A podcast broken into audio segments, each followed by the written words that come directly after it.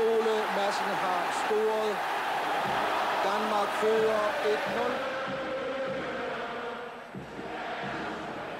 1-0. I efteråret spillede Manchester City i parken mod FC København i Champions League-gruppespillet, med status som et af verdens bedste klubhold, hvis ikke det allerbedste. De lå i hvert fald nummer et på UEFA's club ranking. Det var anden gang, at Manchester City mødte FC København i parken. Første gang var i februar 2009 til en 16-dels finale i UEFA Cup, hvor det blev 2-2. I år blev det 0-0, så har City et københavnerkompleks? Mm, nej, ikke i historisk perspektiv. Jeg hedder Torkel Forsdal, og jeg har skrevet en bog om Københavns Idrætsparks historie fra 1911 til 90. Den hedder det samme som podcasten, hvis tribunerne kunne tale. I bogen skriver jeg blandt andet om en af de kampe, som Manchester City spillede i Idrætsparken og vandt. Det var en historisk kamp, for det var nemlig første gang Idrætsparken lagde rammer til en europæisk kvartfinale. Men den kamp gemmer vi lidt, for jeg kan godt lide at gå kronologisk til værks.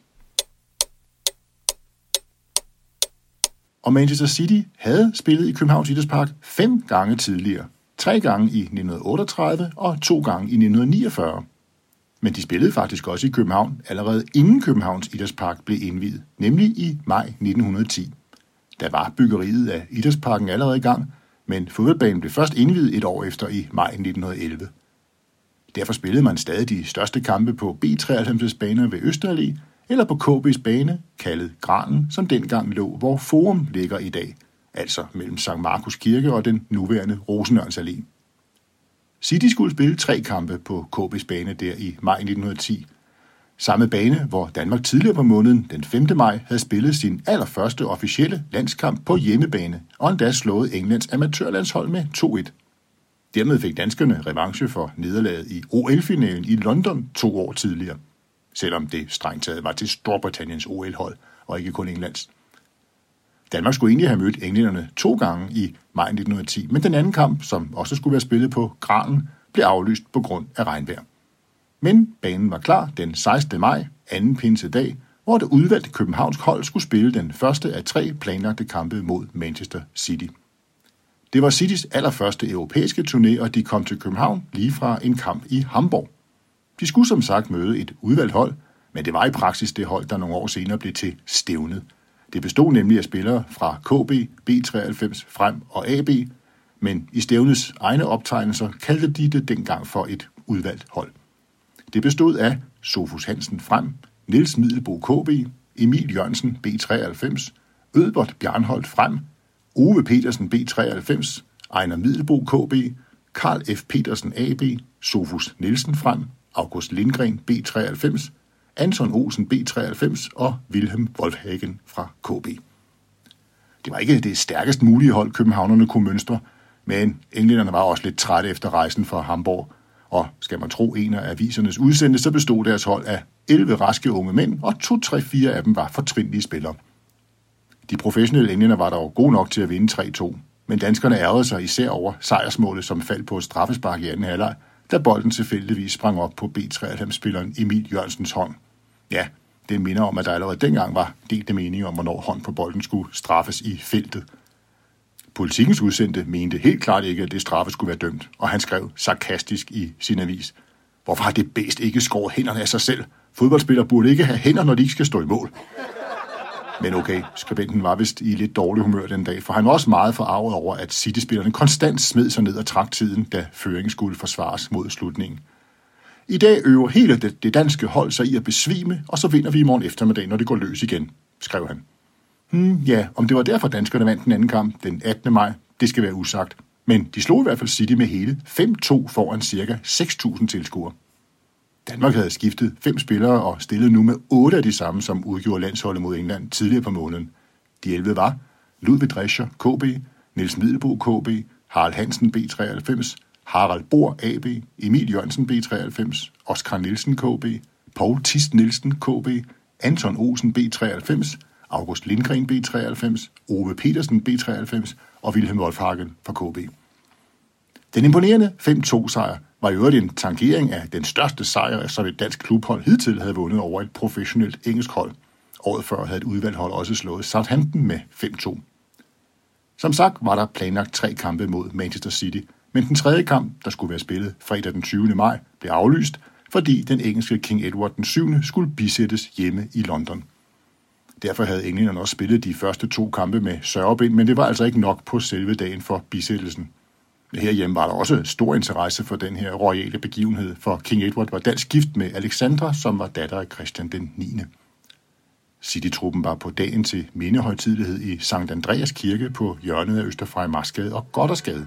En kirke, som jeg til evig tid vil berømme for engang at have sat en stor plakat op på kirkemuren, hvor der stod, vi har søndagsåbent. City fortsatte siden deres lille europæiske turné til Göteborg og spillede et par kampe, inden de returnerede til Danmark for at sejle hjem til England. Året efter, i 1911, blev Københavns Idrætspark som nævnt indvidet, men Danmarks nye nationalarena nåede at fejre 25 års jubilæum, før Manchester City igen kom til hovedstad for at spille tre kampe mod stævnet i 1938. I mellemtiden havde Idrætsparken allerede lagt græs til adskillige af de populære kampe mod udenlandske klubber, og jo især de engelske. Før 2. verdenskrig var Arsenal og Huddersfield de hyppigste gæster. Men mange andre af de nuværende Premier League-klubber kom også på besøg, blandt andet Liverpool, Everton, Chelsea, Newcastle og West Ham. Og nu kom Manchester City altså også, efter at de netop havde haft klubbens første storhedstid i engelsk fodbold. Den begyndte, da de nåede FA Cup-finalen i 1933, men tabte 0-3 til Everton. Det var jo den første finale, hvor spillerne havde rygnummer. Everton-spillerne havde nummer 1-11, og City-spillerne nummer 12-22. Men det nummer havde man faktisk allerede set i Idrætsparken nogle år tidligere. Helt præcist søndag den 28. august 1927, da ØB mødte HB i KBU's pokalturnering. Men det her nymods pjat med rygnummer, det blev ikke særlig godt modtaget dengang, men det kan du læse mere om i min bog om Idrætsparkens historie. Tilbage til City. Året efter finalenederlaget til Everton nåede de igen FA Cup-finalen på Wembley, og slog denne gang Portsmouth 2-1 efter at have været bagud 0-1 indtil et kvarter før tid. The players have now left the field, which is the best thing that's happened to the field since the kick-off. Manchester City are losing, but this won't trouble a city like Manchester. Manchester City equalise. Cotton goes up half a point and a rainbow runs right through Manchester. The winning goal. Look at that Portsmouth player taking the ball out of the net. Doesn't his back got a sweet expression? I sæsonen 36-37 vandt Manchester City sit første engelske mesterskab. Efteråret 36 var ellers halsløjt, hvor de tabte 7 af 20 kampe, men så gik de ubesejret igennem foråret 37 og tog titlen foran Charlton og Arsenal. Men da City et år senere kom til København i maj 1938, så var de forsvarende mestre Vincenten lige rykket ned i anden division. Og der blev de indtil efter 2. verdenskrig, og de vandt jo et først deres næste mesterskab i 1968. Fredag den 27. maj 1938 skulle de altså spille den første af tre kampe i Københavns Idrætspark. Og denne gang kom de til København allerede om onsdagen, efter at have spillet 2-2 i en kamp i Jødeborg. Torsdag var det Kristi Himmelfartsdag, og der kunne englænderne have fordrevet tiden med at se et par kampe i Idrætsparken, hvor der som sædvanligt var dobbeltprogram på søndag og helligdag. Først en 3. divisionskamp mellem ØB og Skovs Hoved kl. 11, og kl. 13.15 en anden divisionskamp mellem KFUM og B901. De to kampe blev til sammen overværet af under 2.000 tilskuere. Det var kamp nummer 13 og 14 i løbet af 26 dage, efter at der var spillet 19 kampe i april, så det var allerede lidt af en tilsnigelse at kalde Idrætsparkens underlag for et græstæppe. Når man ser på Citys hold der i 30'erne, så er det meget sjovt, at de fra 1928 til 36 havde en halfback, som de fleste i dag forbinder med rivalerne fra United, nemlig selveste Matt Busby. Han kom til City som 19-årig og spillede over 200 kampe, inden han i 1936 skiftede til Liverpool. Efter 2. verdenskrig stoppede Bosby sin aktive karriere i Liverpool, og klubben tilbød ham at fortsætte som assistenttræner, men han ville hellere have ansvaret for et hold selv, og så tog han det ledige job i Manchester United. Ja, og resten er en helt anden historie. Men her kan du høre en beskrivelse af Matt Busby som City-spiller i midten af 30'erne. Matt Busby's sense of judgment when he's taking a pass is one of his great assets, and he can trap a ball with unfailing precision. He's very swift on the ball, which brings us to the goalkeeper, Frank Swift. Ja, det bringer os til Frank Swift. Mens Bosby altså havde forladt City, inden de spillede i Idrætsparken i 38, så havde de stadig den unge og meget talentfulde målmand Frank Swift. Han debuterede i en alder af blot 20 år for City i 1933, og han var med til at vinde FA Cup-finalen i 1934 sammen med blandt andet Matt Bosby. Efter finalen besvimede den unge Swift angiveligt af glæde over sejren, men måske var han også lidt nervøs inden kampen, for på et gammelt filmklip kan man se, hvordan han småtripper med høje benløft hen over banen på vej til kick-off, hvilket fik en syrlig kommentar med fra kommentatoren. This is Manchester City, or part of it. Look at that Manchester goalkeeper picking up his feet. He thinks he's in the Grand National. 24 år efter den finale krydsedes Bosbys og Swifts karriere igen. Men i mellemtiden nåede Swift at få en flot karriere for City og England. Han stod for Manchester City helt indtil 1949 og nåede også en del landskampe for England, både på det særlige wartime landshold under 2. verdenskrig og 19 rigtige A-landskampe efter krigen. Han stoppede sin aktive karriere i 1949 og blev i stedet sportsjournalist for News of the World. Men han var så uheldig, at han blandt andet skulle dække Manchester Uniteds Europacup-kamp i Beograd i 1958. En rejse, der, som mange nok ved, endte med en tragisk flyulykke i Münchens lufthavn. Her var den nu 44-årige Frank Swift blandt de omkomne, mens Matt Bosby var blandt de overlevende. Kun en af de journalister, der rejste med holdet, overlevede og kunne fortælle historien til eftertiden, Frank Taylor. When we boarded the aircraft in Belgrade, I found all my press colleagues had already settled themselves in the tail. Frank Swift was on this side, Henry Rose, George Follows on that side, I believe. And you see, we always flew together. We were always a happy party. But for some reason that day I thought I'd move forward. And that was a decision that saved my life. Den største City-stjerne på holdet anno 1938, det var venstre inderving Peter Doherty. Han scorede ganske vist ikke så mange mål i de tre stævnekampe, men han var holdets topscorer og en vigtig brik i den sæson, hvor City vandt mesterskabet. En rødhåret, piberygende nordier, der både var en blændende tekniker og et energisk energibund, og han løb non-stop i alle 90 minutter og blev kaldt et geni blandt genier. Og når man er blandt de første 22 spillere, der er optaget i den engelske Hall of Fame, så var man lidt ud over det sædvanlige, og det var Peter Doherty. Efter sin aktive karriere var han blandt andet landstræner for Nordjylland og førte dem til VM i Stockholm i 1958. Og da han senere var scout for Liverpool, var det angiveligt ham, der spottede en ung Kevin Keegan i Scunthorpe. For stævnet var de tre kampe mod Manchester City et led i forberedelserne til to meget vigtige kampe senere på foråret, dels en landskamp mod Sverige og dels en unionskamp JBU mod KBU. Det var meget normalt, at man brugte de her stævnekampe som træningskampe eller udtagelseskampe til landsholdet og til KBU's unionshold. De to hold var jo et stort set identiske, selvom provinsspillere så småt begyndte at stikke støvlesnuderne frem og gøre sig gældende på højeste niveau. Til den første kamp mod Manchester City fandt kun 6.700 tilskuere vej til Idrætsparken, og de så stævne stille således op. Svend Jensen B93, Oscar Jørgensen KB, Ove Sørensen frem, Sifred Jensen AB, Arne Sørensen B903, Svend Frederiksen frem, Kai Hansen B93, Børge Mathisen B903, Knud Andersen B903, Paul Rasmussen frem og Knud Larsen frem. Sidstnævnte, Knud Larsen, åbnede scoringen tidligt i kampen, men siden fik stævnet ikke et ben til jorden, for Manchester City spillede helt vidunderlig fodbold. Morsomt og inspireret, og som politikken malende beskrev det, de legede med bolden som Fini med sin violin. En hver læser vidste naturligvis, at det var en hentydning til det kongelige kapels legendariske violinist Fini Henriques.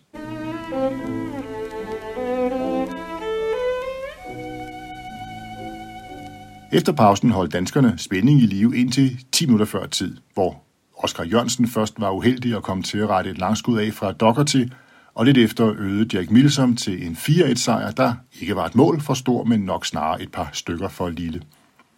To dage senere mødtes stævnet og City igen i Idrætsparken, mandag den 30. maj kl. 19, og denne gang stillede stævnet med følgende hold. Egon Sørensen frem, Knud Sørensen frem, Erik Glymer KB, Arno Nielsen B93, Gunnar Hvidberg frem, Paul Toft Jensen AB, Alex Friedman B903, Ejolf Kleven AB, John Nielsen KB, Gunnar Nielsen B903 og Ejgil Thielsen fra AB. Et silende regnvejr havde forvandlet Idrætsparken til en ren glidebane, og det vejr holdt nok også mange tilskuere hjemme, så der kom kun ca. 5.000. Men var man fra Manchester, havde man for længst vendt sig til at spille i regnvejr på murede baner, så City-spillerne havde det som fisk i vandet. De diskede op med alverdens tekniske raffinementer i form af finter, driblinger, haleafleveringer og meget mere af en skuffe, som danskerne sjældent havde lejlighed til at kigge ned i. Danskerne er ikke dårlige, de var bare overmatchet, og skal måske være glade for, at City førte allerede ved pausen med 3-0, for siden tog de den lidt med ro og begyndte at lege lidt med bolden. Ja, så har man hørt det med. Her gik man og troede, at de havde dyrket kick and rush, siden de lå i vuggen, og spillede fodbold med hovedet under armen og indlæg i fire sals højde til en to meter høj tankcenter for at uden fortænder. Men den tilgang til spillet lå stadig nogle år ud i fremtiden. Næh, ifølge datidens rapporter spillede de altså yderst seværdigt i et højt tempo med masser af præcise pasninger på kryds og tværs af banen. Ja, det lyder nærmest som Guardiola, selvom det nok gik lidt langsommere. Til det tredje og sidste opgør, onsdag den 1. juni 1938 kl. 19, kom der hele 20.500 tilskuere, og det kom de ikke til at fortryde. Stævnet stillede nu med disse 11 spillere. Svend Jensen B93, Oskar Jørgensen KB, Ove Sørensen Frem, Jens Lundgaard Vejen, Arne Sørensen B903, Svend Frederiksen Frem, Alex Friedmann B903, Børge Mathisen B903, Pauli Jørgensen fra Frem, Paul Rasmussen fra Frem og Kai Hansen fra B93. Vejens Jens Lundgaard var et forholdsvis ukendt ansigt blandt de københavnske spillere, men det hente, at stævne lånte spillere fra provinsklubberne, så landsholdets udtalelseskomité kunne se dem an på et højere niveau, end de normalt spillede på. Vejen havde faktisk lige overlevet sin første sæson nogensinde i den bedste danske række, og trods nederlag på 1-8 til frem, 0-9 til AB og 2-7 til AB, så sluttede de på en hederlig 6. plads ud af de 10 hold i den bedste række. Men det var fem københavnerklubber, der toppede tabellen, B903 vandt i foråret 38 klubbens første danske mesterskab foran frem KB, B93 og AB. Jens Lundgaard havde allerede fået sin landskampdebut i efteråret 1937 i en udkamp mod Polen. Det var Danmarks første udelandskamp efter det maritsagtige 0-8-nederlag til Tyskland i maj 37. Den ydmygelse slap han altså for Jens Lundgaard. Men tre af de andre i den her City-kamp Svend Jensen, Oskar Jørgensen og Pauli Jørgensen, de var med i den traumatiske 8-0 øretæve i Breslau. Men nu skete det igen. Selvom stævnet altså stillede med det meste af det danske landshold, så led fodboldsammenslutningen sit største nederlag nogensinde. Og det kunne da være blevet 9-0, da Eric Brook flugtede bolden i mål til allersidst, men der havde Valdemar Laversen, dommeren, fløjtet af et sekund inden bolden passerede stregen – der havde Erik Brook allerede scoret tre gange tidligere i kampen, denne venstre ving, som kun var 30 år, selvom han lignede en på 40. Og hvis pressen og tilskuerne havde været imponeret af City i de første to kampe, så lagde de sig nu fladt ned og talte om en oplevelse, man sent vil glemme, og om, ja, fodbold som fodbold skal spilles. Selv mange år efter stod kampen for mange af de tilstedeværende som en af de største opvisninger i fodboldspillets edle kunst. City førte igen 3-0 ved pausen, men dengang kværnede de altså bare videre, ja, og scorede nærmest efter behag på stakkels Svend Jensen i stævnemålet. Eric Brook lavede som sagt tre mål, Jack Milsom og Jimmy Hill to hver, og Alec Hurt et sidste mål. Det er navne, som nok ikke siger nogen noget i dag, men som gjorde et kæmpe indtryk på danskerne dengang i 38. Og det var ikke kun tilskuerne i Idrætsparken, men også de danske spillere, der stillede sig op og klappede af City-spillerne, da de gik fra banen og ned i den daværende tunnel, der førte ned til omklædningsrummet under cementtribunen. Og man klappede ikke bare af høflighed, men af respekt og med tak for lærepengene. Dagen efter kunne man se en overskrift på politikens forside, at City frygter en ny tysk betalingsdansning. Men det handlede altså ikke om fodbold, for der var meget alvorlige ting på spil ude i den store verden. Overskriften henviste til London City og børsens reaktioner på, at Tyskland nægtede at anerkende Østrigs statsgæld. Nazisterne havde et par måneder før indlemmet Østrig i det tyske rige, og man kunne også læse på forsiden, at Gestapo under ledelse af Heinrich Himmler havde indledt nye store jødeforfølgelser i både Tyskland og Østrig. Jo, sorte skyer trak i sandhed ind over Europa og mindede om, at et fodboldnederlag på 0-8 måske nok var en fodboldmæssig katastrofe, men så heller ikke mere.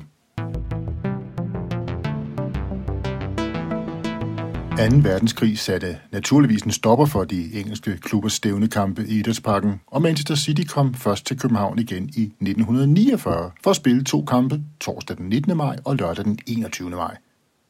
Efter 2. verdenskrig var City igen rykket op i den hjemlige første division og sluttede i foråret 1949 på en hederlig 7. plads. Her i efterkrigstiden var tilskuertallene i Idrætsparken vokset betydeligt – det gjorde de allerede under krigen, men det fortsatte langt op i 50'erne, og til de to Citykampe i 49 kom der henholdsvis 29.900 og 14.000 tilskuere. De engelske klubber, der spillede stævnekampe i de første år efter 2. verdenskrig, havde endnu ikke genvundet fordums styrke. Mange spillere var dræbt eller såret under krigen, og baner og træningsfaciliteter var beskadiget, og det var faktisk også et stort problem at få den nødvendige kost. Landet stod på mange måder foran en genopbygning og ikke kun inden for fodbolden. Så de københavnske forventninger til møderne med Manchester City levede ikke helt op til minderne om de tre kampe i 1938, der for mange stadig stod som noget af det flotteste fodbold, de nogensinde havde set på dansk grund. City var som sagt netop blevet nummer syv i første division, men måtte blandt andet undvære førnævnte Frank Swift. Han var nemlig afsted med det engelske landshold for at spille afskedskamp, inden han stoppede karrieren. Men det var et velkendt problem, når stævnet i maj og juni inviterede de bedste britiske klubber til stævnekampe, samtidig med, at deres nationale landshold skulle spille.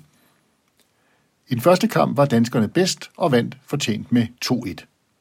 Holdet bestod af Ejkel Nielsen KB, Paul Petersen AB og Holger Olsen frem, Hans Kolberg frem, Dion Ørnvold KB, Ivan Nielsen AB, Kai Fransen fra Amager, Frank Rikkendorf AB, Carlo Præst ØB, Knud Lundberg AB og Harald Lyngså KB.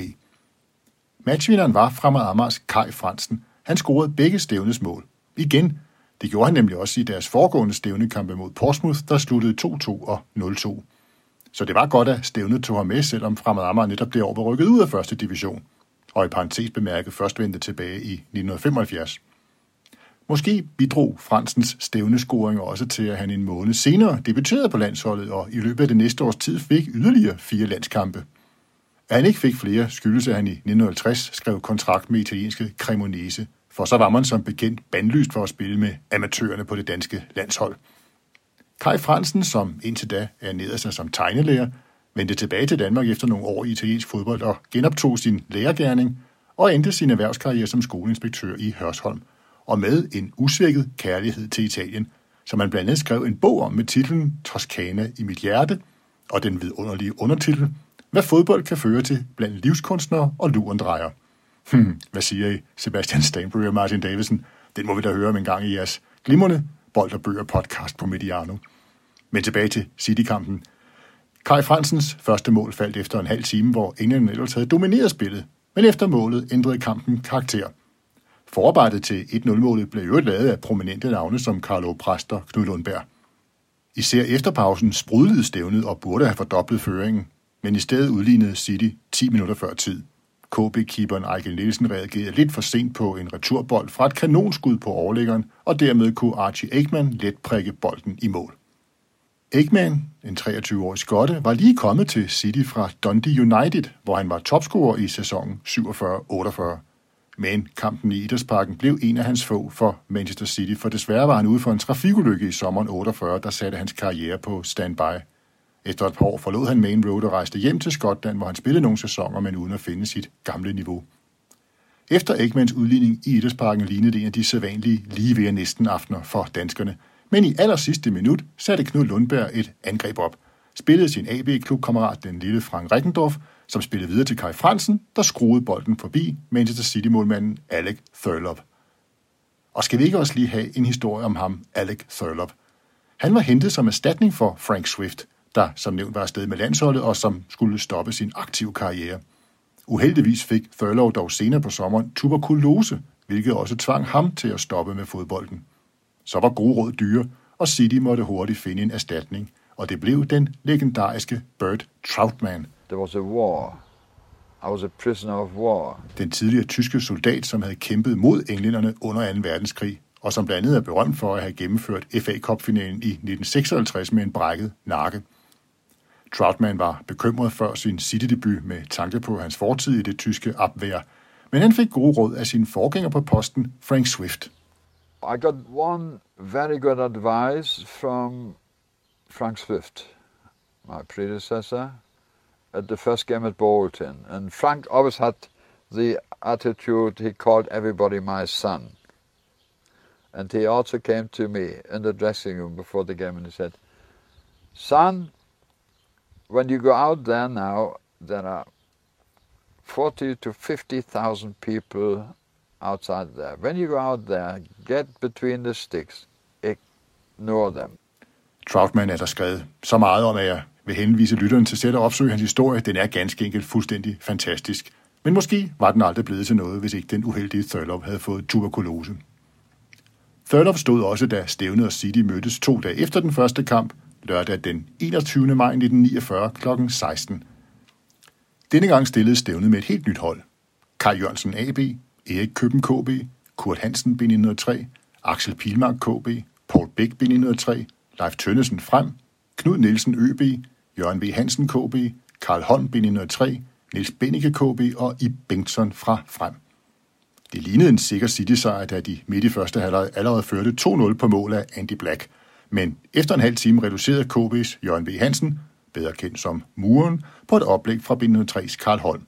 Og lige efter pausen byttede de to roller, og Holm udlignede til 2-2 med en fornem first timer efter et gennembrud af Muren.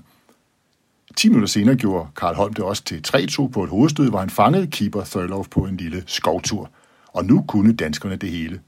Altså for en stund. 20 minutter før tid udlignede City nemlig efter en detalje, der understregede, hvorfor disse stævnekampe var, ja, vigtige lærepenge for dansk fodbold. City fik frispark uden for feltet. Målscoren fra det første opgør, Archie Ekman, gik til bolden, men han hoppede over bolden. Danskerne stod som forstenet og gloede. Imens løb bakken Eric Westwood til bolden.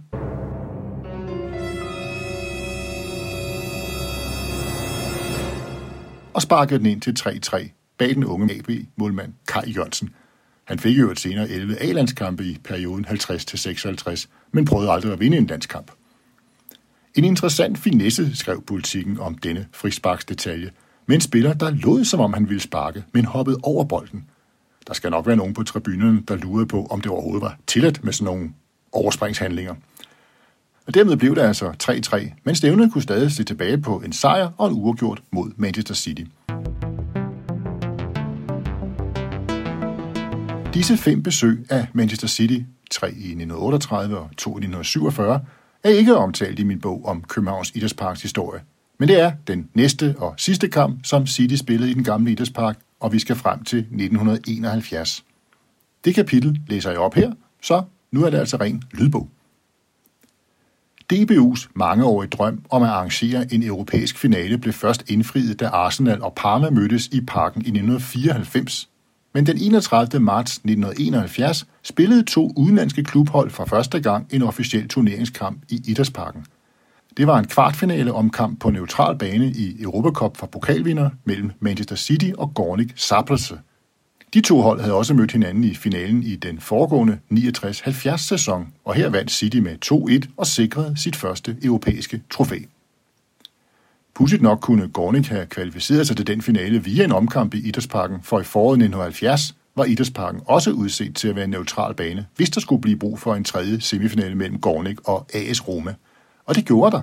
Men DBU måtte takke nej, for det lunefulde forårsvejr havde udsat en del kampe, som gav problemer i det sammenpressede kampprogram inden den omfattende baneomlægning og lukning af banen fra maj til august 1970. Optakten til omkampen i foråret 1971 var ikke uden dramatik. I den første kvartfinale vandt Gornik med 2-0 hjemme, men de blev blæst ud af banen i returkampen på Main Road, selvom City også kun vandt med 2-0. Inden kampen i København kom Gorniks træner med dopinganklager mod englænderne, hvilket fik UEFA til at kræve dopingkontrol, og det var så vidt vides første gang, det skete til en fodboldkamp i Danmark. City-truppen tog anklagerne helt afslappet, men DBU's generalsekretær Erik Hylstrup kaldte det en kedelig historie, og arrangerede en dopingkontrol med hjælp fra Rigshospitalet. Det foregik ved, at kampens danske dommer, Gunnar Mikkelsen, inden kick-off lagde navnene på tre spillere fra hvert hold i en forsejlet kuvert, som straks efter kampen skulle aflevere en urinprøve. Det er ganske enkelt det mest latterlige, jeg nogensinde har været med til, sagde City manager Joe Mercer ifølge BT, mens hans spillere var mere irriteret over, at de blev forsinket, inden de kunne tage ind til centrum og gå på natklub. Den danske landstræner Rudi Stritic var i øvrigt sikker på, at polakkerne i hvert fald ikke var dopet. I så fald har de taget fejl af pillerne og fået sovepiller i stedet. Hmm, ja, kampen var nemlig ret søvndysende, og City vandt 3-1 på mål af Neil Young og Tommy Booth før pausen. The ever dependable Neil Young shooting City ahead in Copenhagen after 20 minutes. Then centre half Tommy Booth glancing in goal number two shortly before half time. Efter pausen reducerede polakkernes Vladimir Lubanski efter en lille time, inden Francis Lee kort før tid øgede til slutresultatet 3-1 efter flot forarbejde af Colin Bell. Although Gornick pulled the goal back in the second half through Lubanski, City finally won 3-1. It was Colin Bell's individual skills that set up City's third goal for Francis Lee. 12.100 tilskuere mødte op til denne kvartfinale. Heriblandt ca. 500 entusiastiske, syngende, klappende og råbende medrejsende City-fans, som mindede det danske publikum om, at de stadig havde en del at lære om fankultur. Og dopingtestene, som først forelå tre dage senere, var i øvrigt negative. Ja, City Gornik var altså den 31. marts 1971, og hvad jeg undlod at nævne i bogen, det var, at City nåede dermed videre til semifinalerne, hvor de tabte til Chelsea med 2 gange 0-1. Og Chelsea slog siden Real Madrid 2-1 i finalen. Men det har jo ikke så meget at gøre med Københavns Idrætsparks historie. Men som mange år i Chelsea-fan vil jeg ikke lige undlade at nævne det her. Svingærerne har som bekendt sin egen logik, og jeg håber, du har nyt denne episodes forskellige fortællinger fra den finurlige fodboldverden, som altså udspringer denne gang af Manchester Citys besøg i København, før, under og efter Idrætsparkens 80-årige levetid. Tak fordi du lyttede med, og på genhør.